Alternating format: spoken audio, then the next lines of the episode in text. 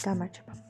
დღეს მინდა ვისაუბრო სიყვარულზე და იმაზე, რაც არის ძალიან ძალიან პრობლემატური თემა და საკითხი. ძალიან ბევრი ადამიანი ვერ თანხმდება, ძალიან ბევრი ადამიანი დაობს, მსჯელობს, განიხილავს და მგონია რომ რაც არ უნდა იყოს ყველა ადამიანს, საერთოდ ყველა ადამიანს თავისი და თავისებური შეხედულება აქვს ამ ყველაფერზე და რამდენიც არ უნდა ვიდაოთ, ვილაპარაკოთ. ყველა რჩება თავის აზრზე და თავის მოსაზრებაზე და რეალურად საერთოდ მგონია ზოგადად რომ ამ ზოგადად ასე ვფიქრობ რომ კამათს და დავას არ აქვს აზრი ყოველთვის გადადის ძალიან დიდ დისკუსიაში, შემდეგ კამათში, შემდეგ კონფლიქტში, დაძაბულობაში და ნუ მოყვება ძალიან დიდი კონფლიქტი ხოლმე. ნუ შეხლა შემოხლა, რაღაცა მერე გაბრაზება ამ ორი ადამიანის, ის თავისას ამტკიცებს, მეორე თავისას ამტკიცებს, ორივე ცდილობს რომ ერთმანეთი დააჯერონ რაღაცაში, დაუმტკიცონ ეს ყველაფერი, გადაიბირონ და თავის აზრზე გადაიყვანონ და ნუ ამ ამ ყველაფერში და მთელ ამ პროცესში მერე ჩხუბობენ. და შემდეგ უბრალოდ უკმაყოფილება მოყვება ამ ყველაფერს და ის რომ ნაჩხუბრები დაძაბულები და გაბუტულები არიან და მეტი არაფერი და კონფლიქტი აქვთ უკვე. და პირად პირად პირადი ურთიერთობის დაძაბულში გადადის და მე მგონია რომ საბოლოოდ მაინც ყველა ადამიანი რჩება იმ აზრზე და მოსაზრებაზე, რაზეც იყო. და ამიტომ მე არ მიყვარს კამათი ხოლმე და რაღაცაზე დავა, იმიტომ რომ მგონია რომ ყველა ადამიანი თითქმის უმეტეს შემთხვევაში ასე ხდება, რჩება თავის აზრზე და იდეაზე. და ჩვენ ზოგადად მეგობრებს, ახლობლებს ყველას ვეძებთ ახლობლებს ნაკლებად, მაგრამ ზოგადად ჩვენთვის ახლო ადამიანებს ვეძებთ ყოველთვის ისეთ ადამიანებს ჩვენს აზრთან, აზროვნებასთან და რაღაცებთან ახლოს რომ არის და მოკლედ ერთნაირი რაღაცები რომ გვაინტერესებს და ერთნაირი შეხედულებები, ფიქრები რომ გვაქვს და მოკლედ ამას რომ ვიზიარებს და უფრო კომფორტულად არის ეს ურთიერთობები და უფრო კომფორტულად მიმდინარეობს. ამიტომაც ჩვენთვისაც უფრო მეტად ჰარმონიულია ასეთ ადამიანებთან კავშირის ქონა და თუნდაც თუნდაც ყველაზე მცირე რაღაცით რომ განვიხილოთ და ავიღოთ პოდკასტი იქნება ეს თუ რაღაც ვიდეო ნებისმიერი სახის რაღაც გადაცემა თუნდაც აი ყველაფერი რასაც უსმენთ, მანდაც კი ვარჩევთ ისეთ გადაცემებს, ისეთ არხებს, ისეთ რაღაცებს, სადაც ჩვენთვის საინტერესო არის და ნუ თემატიკის მიხედვით ხომ შესაბამისად ყველაფერი ისეთი გვინდა, რაც ჩვენთან ახლოს მოდის. და არ მგონია რომ ამ თემაზე ასე ვთქვათ, მარტივი იყოს საუბარი, იმიტომ რომ მგონია ყოველს თავისებური შეხედულება აქვს. ყოველს თავისი აზრი აქვს, ყოველს თავისებური წარმოდგენა აქვს სიყვარულზე და რაღაც კონცეფტი შექმნილი გონებაში, რომ ასეთი უნდა იყოს, ასე უნდა იყოს, სოქს ეს მოსწონს, სოქს ის მოსწონს, სოქს რაღაცა არ მოსწონს და ვერაფრით ვერ ამართლებს, ზოგი ეწინააღმდეგება, ზოგისთვის მისაღებია, ზოგისთვის გასაგებია, ზოგისთვის გაუგებარია და მოკლედ ძალიან ბევრი აზრი და მოსაზრება არსებობს. და ზოგადად ჩემს პოდკასტზე რა ჩემი ძლია ვთქვა, არის ის, რომ ნებისმიერი თემა და ნებისმიერი საკითხი, რომელზეც საუბრობ, რა თქმა უნდა, წარმოადგენს ჩემს პირად დამოკიდებულებას და ჩემს მოსაზრებას და შესაბამისად, ეს არნიშნავს, რომ რაიმე სწორია, რაიმე ნამდვილად ასია, უბრალოდ ეს არის ჩემი დამოკიდებულება, ჩემი შეხედულება და მე როგორ ვხედავ და ჩემთვის როგორ არის, თორემ სისწორეს ნამდვილად არნიშნავს ეს ყველაფერი და არნიშნავს იმას, რომ რაღაც აუცილებლად ასე არის, ან ასე უნდა იყოს. შეიძლება ვცდებოდე, შეიძლება არასწორი იყოს, შეიძლება მ ну, უბრალოდ ჩემი შეხედულებაა და მეტი არაფერი. ჩემი დამოკიდებულება და ჩემი აზრები, თორემ შეიძლება ბევრი რამ არასწორიც იყოს, ბევრი რამ ვიღაცისთვის მიუღებელიც იყოს, გაუგებარიც იყოს და ასე შემდეგ და ასე შემდეგ.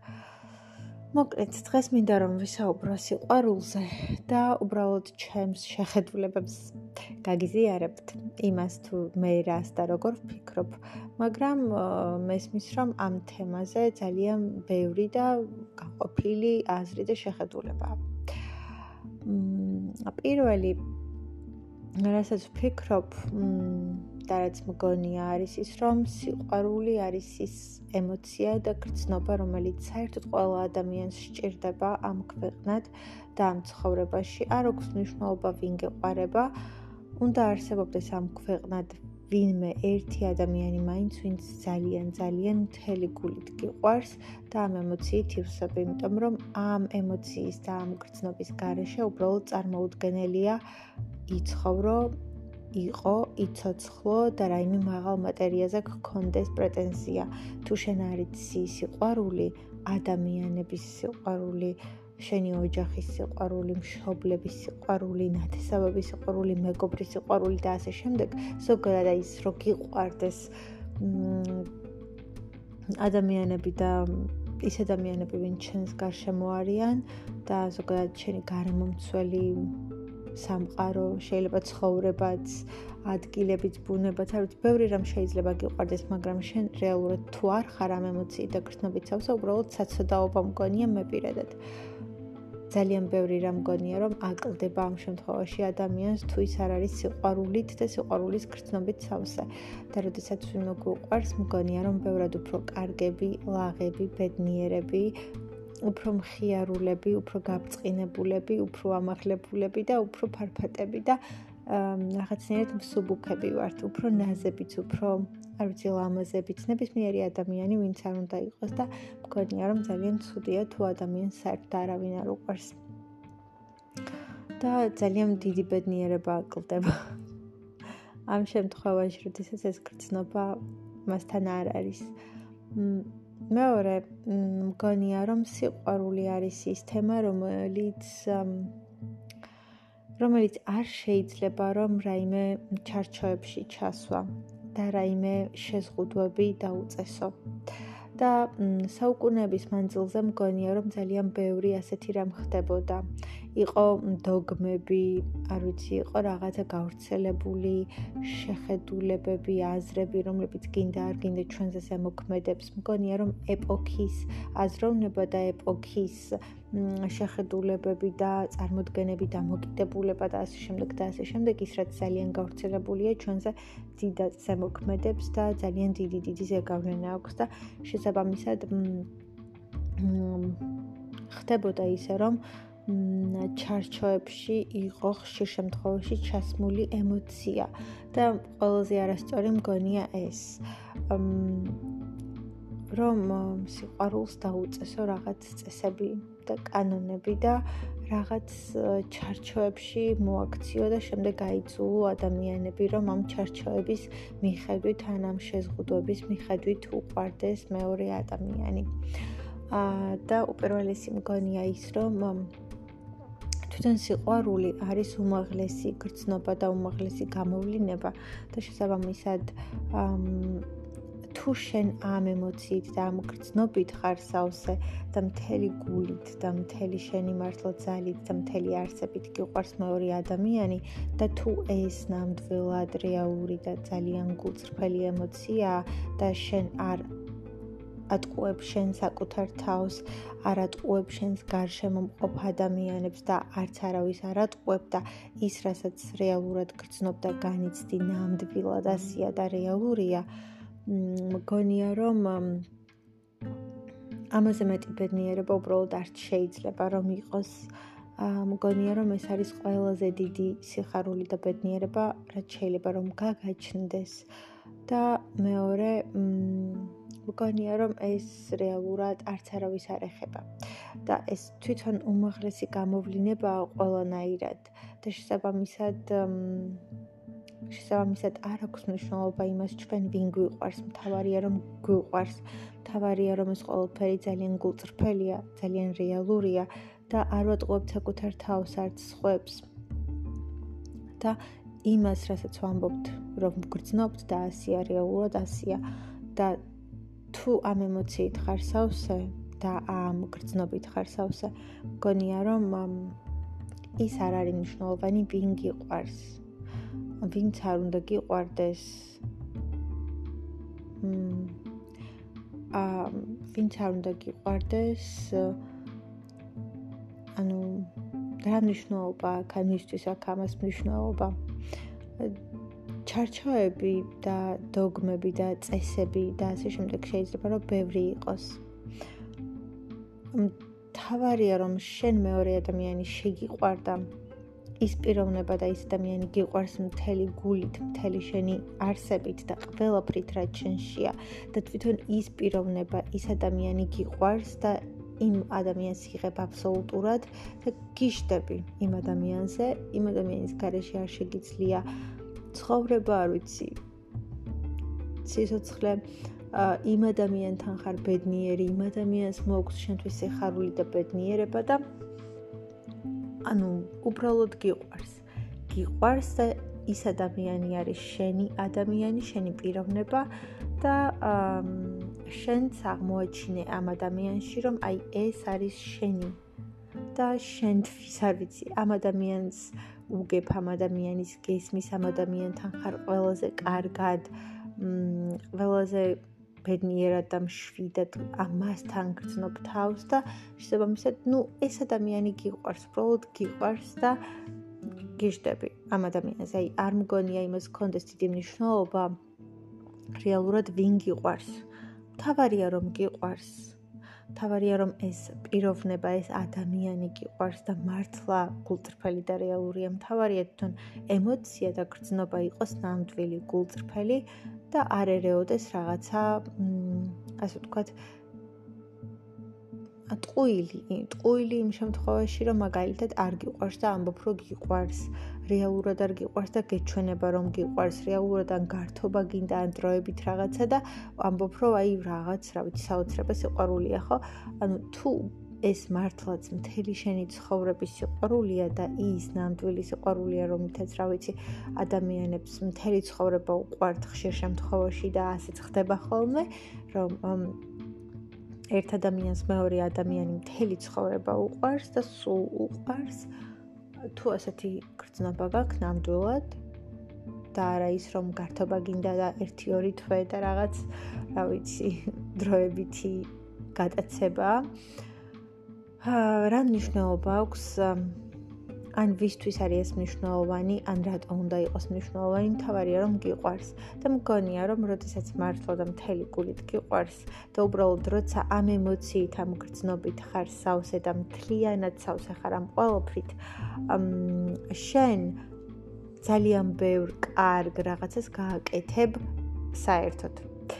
არა მარტო ამ ადამიანთან მიმართებით და ამ ადამიანთან ურთიერთობაში, არამედ საერთოდ უფრო მეტი სიკეთით ივსები, როცა გიყვარს, უფრო მეტად კეთილი ხდები, უფრო მეტად თბილი ხდები, უფრო მეტად მოსიყვარულე ხდები, უფრო მეტად გულჩვილი ხდები, უფრო მეტად მგრძნობიარე ხარ, უფრო მეტად სენსიტიური ხარ ყოველფრის მიმართ, უფრო მეტად ამაღლებული ხარ და შესაბამისად მართლა სიკეთე უფრო მეტად შემოდის შენში.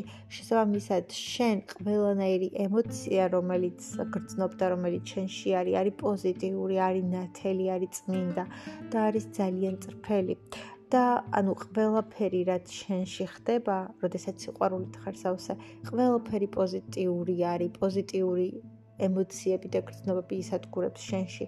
ეს იქნება სიკეთე, სიყვარული, მ არ ვიცი. სიკეთე, სიყვარული აა ანუ ძალიან ძალიან თბილი ემოციები რაც შეიძლება რომ გავიხსენო და გაგვახსენდეს ყველაფერი არის შენში. უფრო მეტად ხარ ემოციური უფრო მეტად ხარ სხვისი ემოციების გამგებიც უფრო მეტად გინდა რომ კარგი რაღაცები აკეთო და გაუკეთო ადამიანებს ყოველს გინდა რომ დაეხმარო ყველა გიყვარს. უფრო მეტად ფარფატა ხარ და რაღაცა ესეთი მხიარული ხარ და შესაბამისად ყველაფერი გიხარია ყოველთვის კარგი გინდა უფრო მეტად ბედნიერად და კარგად გრძნობ თავს შესაბამისად ყველას და ყველაფერს სიკეთის და ბედნიერებას უსურვებ იმიტომ რომ შენ თვითონ ძალიან ბედნიერი ხარ და გინდა რომ სხვებსაც გაუზიარო ეს ყველაფერი. ნებისმიერ საქმეს რასაც აკეთებ აკეთებ უფრო მეტი სიყვარულით უფრო მეტი მონდომებით უფრო მეტი ხალისით. შესაბამისად საქმეს უფრო კარგად გამოგდის. საქმე რომ კარგად გამოგდის და კარგად და ხარისხიანად და მთელი გულით და სიყვარულით რომ აკეთებ ამ ყველაფერ შესაბამისად წარმატება მოაქვს შენთვის და ყველაფერი ერთმანეთს უკავშირდება. მე მგონია რომ შესაძაც ჩვენ გვიყვარს მეორე ადამიანი და მართლა ძალიან გვიყვარს და ნუ მით უმეტეს შესაძაც მასაც ვუყვარვართ და როცა აი ამ ემოციებით ვართ სავსე, ჩვენ ბევრად უფრო კარგები ვართ და საკუთარი თავის უკეთესი ვარიანტები და უკეთესი ვერსიები ვართ და ყველაზე მაღალ გამოვლინებაში ვლინდებით ჩვენ თვითონ, იმიტომ რომ სიყვარულის ემოციით, ყველაზე დიდი ემოციით და გრძნობით ვართ სავსეები. და შესაბამისად ყველაფერი რაც ჩვენში არის, ანუ ყველა ემოცია რომელიც ჩვენში არის და ისადგურებს და ბინადრობს მაგ პერიოდში მით უმეტეს არის მხოლოდ კარგი. სინათლით, სიკეთით, სიყვარულით, სითბოთისავსე და ამას გავცემთ მე სამყაროში და სამყაროს მიმართ და ადამიანების მიმართ და ბევრად უფრო პოზიტიურები, ბევრად უფრო კარგები ბევრად უფრო თბილები, ბევრად უფრო მოსიყვარულეები ვართ სხვების მიმართ და ყოველას მიმართ და ყოველას უფრო მეტად ვეხმარებით, უანგაროთ, ყოველ გვიყვარს, ყოველთვის კარგი გვინდა, ყოველას დახმარების ხელს უწევთ, იმიტომ რომ ჩვენ თვითონ ყოველ კარგი ემოციით ვართ სავსე, მაგრამ რა ხდება თუ ამ სიყვარულით დავიცალეთ და დავიშრიტეთ და ეს ემოცია ჩვენში არ არის? ბევრი რამ და თითქმის ყველაფერი ხდება უაზრო და უშინაარსო ჩვენთვის და ჩვენ რეალურად უგრძნობები ვხდებით სხვების გაჭირვების ან სხვების სულად ყოფნის მიმართაც შეიძლება, იმიტომ რომ ჩვენ თვითონ გამოფიტულები და გამოცარიელებულები ვართ და ჩვენ თავად არაფერს არ ვგრძნობთ. შესაბამისად, მიმღებლობა, გამგებლობა და მიღება სხვების ემოციების ან სხვების ტკივილის ან სხვების ეხარულის ნაკლებია, იმიტომ რომ ხაცნაირად ყველაფერი თითქოს სულ ერთია, ყველაფრის მიმართ თითქოს ინდიფერენტულები ვართ და რაღაცნაირად ვართ და ნუ ღმერთმა არქნას და თუ ადამიანში ცუდი ემოციები ისადგურებს და მხოლოდ ნეგატივით არის ავსე, მაშინ ხო საერთოდ ანუ ადამიანი რომელიც ზიზღით, ბოროტებით, ბოღმით, შურით არის სავსე წარმოიდგინეთ მან რა უნდა გააკეთოს კარგი ან რა უნდა გამოუვიდეს ამ ადამიანს კარგად გაკეთებული. და შესაბამისად მე ისეთი რომელიც შედეგს კარგ შედეგს გამოიღებს. ადამიანი რომელიც ყოველას აკრიტიკებს ან ყველა ეზიზღება ყოველას სულს ყოველას მიმართ ნეგატიურად არის განწყობილი ვერავის ვერიტანს რა ვიცი ზოგი ადამიანის შურს, ზოგი ადამიანის მიმართ ბოხმით არის განწყობილი, რა ვიცი რაღაცნაირად ყველა ესისხება და რაღაცნაირად რა, ну, ბოროტებით რა ხა ძალიან ისეთი ნეთქვამია, მაგრამ ნეგატიური ემოციებით როდესაც ივსება ადამიანი, იმიტომ რომ მასში სიყვარული ნაკლებია, მასში რეალურად სიყვარულის ნაკლებობა რა შეიძლება რომ ამ ადამიანს ცხოვრებაში გამოუვიდეს კარგი და გააკეთოს კარგად და შესაბამისად მიიღოს კარგი შედეგი და მისი გაკეთებული რაიმე საქმე იყოს წარმატებული. მაშინ, როდესაც ამბობენ და მომისმენია ხშირად, რომ თუ როდესაც საჭმელს აკეთებ, თუ სიყვარულით ძალიან დიდი სითბოთი და პოზიტიური ენერგიით არ გააკეთე, აუცილებლად უგემური გამოვა და ეს ხასიათი და განწყობა, რომ შენ რაღაც უჟმურად უხასიათოთ და უგულოდ აკეთებდი, მე იმ ადამიანებსაც გადადის, რომლებიც ამ კერტს მიირთმევენ და ну როგორ შეიძლება თავისთავად აკეთებდე რაღაცას ძალიან ესეთი ნეგატიური ემოციებით და ნეგატიური გრძნობებით სავსე და ძალიან კარგი გამოგივიდეს. და შესაბამისად შემდეგ ამან პოზიტიური შედეგი მოგცეს და შენ რაღაცაში ხელი მოგემართოს და რაღაც წინსვლა ნახო და წარმატება ნახო და ანუ როგორ შეიძლება ყველაფერში რომ ჩადებ ნეგატივს იმან პოზიტივი პოზიტიური შედეგი მოგცეს არ ვიცი როგორ შეიძლება რომ დარგო სიტყვაზე სარეველა ბალახი და ელოდო რომ იქ ამოვა მაგალითად ალუჩის ხე და შემდეგ ალუჩა გეკნება ან რა ვიცი ნებისმიერი რამ ანატამი გეკნება უცბად საიდან. როდესაც სარეველა ბალახი დარგე მაგალითად ხომ? შესაბამისად მგონია რომ თვითონ ის ფაქტი რომ ჩვენ გვიყვარს და ჩვენ სიყვარულით ვართ სავსე და სითბოთი ვართ სავსე და მხოლოდ ეს პოზიტიური ენერგიები არის ჩვენში ანუ არა მხოლოდ ის, რომ ის ადამიანი გვიყვარს და გვეძურფასება და მასთან ყოფნა გვინდა და ჩვენთვის ეს ბედნიერებაა და რაღაც არამედ მგონია რომ ზოგადად ხვდებით ჩვენ უფრო კარგები, უფრო კეთილები, უფრო უფრო კარგები და უფრო ბედნიერების მომტანი ადამიანები ვხდებით არა მარტო ჩვენთვის და საკუთარი თავისთვის, არამედ სხვებისთვისაც. პოზიტიურები ვართ უფრო მეტად. უფრო მეტად ოპტიმისტები ვართ ცხოვრების მიმართ და მოლოდინები უფრო კარგი გვაქვს. ყველაფერი გონია რომ გამოგვივა და რეალურად უფრო მეტი რამ გამოგვდის, იმიტომ რომ ყველაფერს რასაც ვაკეთებთ, ესე ბედნიერება ბედნიერებით ვაკეთებთ და თავისთავად დიდი სიყვარულით გაკეთებული საქმე, რა ვიცი, შედეგიც უფრო მეტად პოზიტიური არის. და შესაბამისად ის რომ ის რომ ვაკრიტიკოთ ვიღაცას, ვიღაცა რატო უყვარს, რატო შეუყვარდა, რის გამო შეუყვარდა, რატო არის მასთან, რატო უნდა მასთან ყოფნა, ან რაღაცა მართლა დოგმების ან რაღაცა წესების ან არ ვიცი, რაღაც შეზღუდვებით განვიხილოთ, ეს მგონია ძალიან არასწორი და ცოტათი მიუღებელი. იმიტომ რომ მგონია რომ სიყვარულს როგორც ასეთი ვერ მოაქცევ ჩარჩოებში, ვერ დაუწესებ საზღვრებს და წესებს. არ ემორჩილება არანაირ წესებს, არანაირ საზღვრებს, უბრალოდ ეს არის ემოცია ძალიან დიდი, ყველაზე დიდი ემოცია და გრძნობა ამ ქვეყნად და ამ სამყაროში, რომელიც უბრალოდ შენთან მოდის და გრძნობ ამ ყველაფერს და შემდეგ უბრალოდ მთლიანად გრძნობ. და არავინ არ გეკითხება ხო ესე შეკითხვით, რომ ვინ გინდა რომ შეგიყვარდეს ან რაღაც. უბრალოდ ხდება ბევრი რაღაციდან გამომდინარე. ძალიან ბევრი მოვლენით ძალიან ბევრი ფაქტით იმით ამით მოკლედ უბრალოდ ეს ხდება. შემდეგ ამას გრძნობ და შემდეგ ამას უზიარებ იმ ადამიანს და არ ვიცი თუ მასაც იგივენაირი ემოციები ექნება შენ მიმართ ხართ უბრალოდ ერთად კარგად და ბედნიერები და ეს არის ყველაზე დიდი რამ რაც შეიძლება რომ ამ ქვეყნად გქონდეს და მიიღო. მე ასე მგონია ამაზე მეტი რა შეიძლება რომ გქონდეს ამაზე მეტი რა შეიძლება რომ ინატრო და ის ის რომ ვიღაც გიყვარს და ის რომ შეყვარებული ხარ ეს მხოლოდ არ არის ის რომ უბრალოდ გიყვარს. შენ ხარ სიყვარულით სავსე შენ ხარ სიკეთით სავსე შენ ხარ სინათლით სავსე და ყველაფერი რასაც აკეთებ არის სიკეთით, სითბოთი და სიყვარულით სავსე. მე ასე მჯერა და თუ გავიხსენებთ იმასაც, რომ სიყვარულია თავად ღმერთია ამ ქვეყანაზე.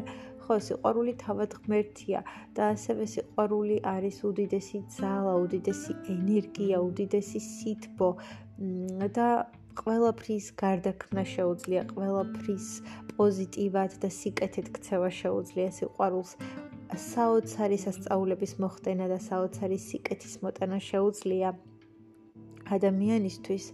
აა თავარია მართლაც სავსე იყო ამ ემოციით და ამ გრძნობით და ეს ყველაფერი იყოს ნამდვილი, გულწრფელი და რეალური. აა და არ ვიცი მგონია რომ აი ის სიტყვები რომლებიც კიდევ შეიცავს და მოიცავს ამ სიყვარულს, თუნდაც ის სიტყვა მიყვარხარ, არის ყველაზე ძლიერი, ყველაზე მძლავრი სიტყვა და რომელსაც შეუძლია რომ მართლა სასწაულები მოახდინოს. და ხშირ ხშირ შემთხვევაში ესეც ხდება. თუ ჩვენ საყვარელ ადამიანს ვეტყვით, არა მარტო მიყვარხარს, არამედ რა ვიცი, რასაც ვგრძნობთ, ამან შეიძლება ისეთი ძალა, ენერგია და არ ვიცი, ხალისე, мотиваცია და ყველაფერი მისცეს, ანუ გარკვეულ სიტყვებს, რომლებიც შეიცავს ჩვენს სიყვარულს და სიტყვას, აი ძალიან დიდი ენერგია, ძალიან დიდი ძალა მისცეს და მართლა ფრთები შეასხას და უბრალოდ იბრინოს. როდესაც უბრალოდ დადებით შეფასებას გვეუბნებიან და დადებისაც გვაფასებენ რაღაცაზე, რამდენად მოტივირებულები ვხდებით და მართლა ფრთები შეგვესმება ხოლმე და უფრო მეტი мотиваცია გვეჩნდება, რომ უფრო მეტი გავაკეთოთ და უფრო კარგად და რაღაც, იმიტომ რომ აი რაღაც ამ სიტყვებმა ჩვენზე ძალიან დიდი ზეგავლენა მოახდინა და იმოქმედა და განსაკუთრებით, როდესაც საყვარელი ადამიანი ძალიან ბევრ კარგ რაღაცას გვეუბნება და თავის სითბოს და თავის სიყვარულს გვიზ გვიზიარებს ამ სიტყვების საშუალებით ვერბალურად. ესეც რამდენს ნიშნავს? და ხო არ ვიცი მე მგონია რომ სიყვარული არის უდიდესი ძალა, უდიდესი სითბო, უდიდესი ენერგია და სიკეთე და ნუ რა თქმა უნდა სიტყვებს უდიდესი ძალა აქვთ. სიყვარულით სავსე სიტყვებს კიდევ განსაკუთრებით და ნუ სიყვარული არის მართლაც ღმერთი. და შესაბამისად არანაირ რაღაც ჩარჩოში და არანაირ ფარგლებში არ მგონია რომ იყოს ეს ყველაფერი ჩატეული მოქცეული და რაღაცა ესე განსაზღვრული რომ აი გინდა თუ არა ეს უნდა გიყვარდეს ის უნდა გიყვარდეს. მე ის უფრო მნიშვნელოვანი მგონია რეალურად ჩვენ ვართ თუ არა ამ ემოციით სავსე და ჩვენ გვიყვარს თუ არა და შეგვიძლია თუ არა საერთოდ სიყვარული და შეგვიძლია თუ არა რომ გვიყვარდეს და ეს არის უფრო მეტად მნიშვნელოვანი და თუ ამას ჩვენ რეალურად და მართლაც უგრძნობთ თუ ეს ემოცია ჩვენში მართლაც არის და თუ ეს ნამდვილი არის თუ ძალიან გულწრფელია და თუ რეალურად ის არის რასაც ვამბობთ და მართლა მთლიანად ამ ემოციით ვართ და არ ვიცი, ამ ყველაფრით ვართ სავსე და ეს ყველაფერი ნამდვილზე ნამდვილია აა და აბსოლუტურად წრფელია და მართალია და ჩვენ მართლაც გვიყვარს მთლიანად და 1000%-ით მართლა და 100%-ით ვართ სიყვარულით სავსეები რა შეიძლება რომ ამას დაუპირისპირდეს შეეწინააღმდეგოს და რამე რამენაირად გააქარწყოს, იმიტომ რომ ყველაზე დიდი ძალა, ყველაზე დიდი ენერგია, ყველაზე დიდი და მოუხსნელი რამ ხო სიყვარულია. ყველაზე დიდი ძალა, რომელსაც ვერც ახსნი, ვერც აღწერ და უბრალოდ ვერ ვერ ჩაატე ვერაფერში და ვერც გამოიკვლევ. რა შეიძლება რომ დაუპირისპირდეს ამ ყოველფერს და რა შეიძლება რომ იყოს ისეთი, რომ ეს ყოველფერი გააქარწყლოს და რაღაცნაირად არ ვიცი, ამაზე მეტი რა უნდა იყოს. ჩვენ თუ ამ ემოციით ვართ სავსეები, ჩვენ თუ ამას ვგრძნობთ და მთელი ჩვენი არსებით, მთელი ჩვენი სხეულით და მთელი ჩვენი მთლიანი არსებობით ამით ვართ მოცულები, ამაზე მეტი რა უნდა იყოს, ამაზე მეტად რა უნდა გაგვეხარდეს და ამაზე მეტად მნიშვნელოვანი რა უნდა იყოს. თავარია რომ ჩვენ გვიყვარს და არ გვძულს, თავარია რომ ჩვენ სიყვარულით ვართ სავსეები და ყველა საქმეს, რასაც ვაკეთებთ, სიყვარულით არის სავსე და სიყვარულ, ანუ სიყვარულს ვდებთ იმ ყველაფერში და შესაბამისად შემდეგ საზოგადოებისთვისაც და ყველასთვის და ყველაფრისთვის, რასაც გავაკეთებთ და მოვიმოქმედებთ, ყველა ჩვენი ნამოქმედარი, ყველა ჩვენი გაკეთებული საქმე, ყველა ჩვენი სიტყვა, ყველა ჩვენი საქმე იქნება სიყვარულით სავსე, შესაბამისად სიკეთით სავსე, სინათლით სავსე, პოზიტივით სავსე და ძალიან დიდი ენერგიით სავსე და ამაზე მეტი რა უნდა იყოს? ამაზე მეტად რა უნდა გვინდოდეს, ან ამაზე მეტად რა უნდა გსურდეს? ან ამაზე მნიშვნელოვანი რა უნდა იყოს? ხომ ის უფრო მეტად მნიშვნელოვანია, რომ ჩვენ რეალურად და მართლაც სიყვარულით სავსეები ვართ და არა მაგალითად სიზუვილით ან ბოროტებით. ხომ ეს არის უმაღლესი და მთავარი გამოვლინება და გამოხატულება, რომ თავარია სიყვარული გქონდეს და სიყვარულით ვიყოთ სავსე, კარგ რაღაცებს ვაკეთებდეთ, კარგ რაღაცებს უკეთებდეთ ჩვენთვის, ჩვენს გარშემო მყოფ ადამიანებს და არ ვიცი, ყველა ადამიანს ვისთანაც შეხება გვაქვს და ვისაც ვეხებით საერთოდ და არ ვიცი ვისთანაც ურთიერთობა გვაქვს და იმ გარემომცულ სამყაროში, რომელშიც ჩვენ ტრიალებთ და რაღაცას ვაკეთებთ. თავარია ის ყველაფერი სიყვარულით ვაკეთოთ და სიყვარული გავავრცელოთ და შესაბამისად მხოლოდ კარგი პოზიტიური და ნათელი ენერგიები და არ ვიცი ბედნიერება მოვიტანოთ ეს ბედნიერების და სიხარულის სიყვარულის და მხოლოდ პოზიტიური ენერგიები გავცეთ და ვაგრძნობინოთ სხვა ადამიანებს და ამაზე მეტი რა უნდა იყოს, ან ამაზე მეტად რა უნდა გვინდოდეს, ან ამაზე უფრო სასურველი რა უნდა იყოს, ამაზე უფრო უმაღლესი რა უნდა იყოს და რა შეიძლება გსურდეს ამაზე მეტად. იმაზე მეტად ვიდრე არის სიყვარული და ის რომ სიყვარულით ვიყოთ სავსე. და მე რა უკვე ძალიან პატარა და უწრელმანი დეტალები მგონია. ის რომ ვინ ვის ვინ უყვარს და ვინ უყვარს და რატომ უყვარს ეს უკვე მომგონი არც არავის საქმე არ არის. უფრო მნიშვნელოვანი არის ის რომ ჩვენ სიყვარულით ვიყოთ სავსეები და სიკეთით ვიყოთ სავსეები და ეხა ვის ვინ უყვარს ეს უკვე მე პირადი არჩევანია. Thank you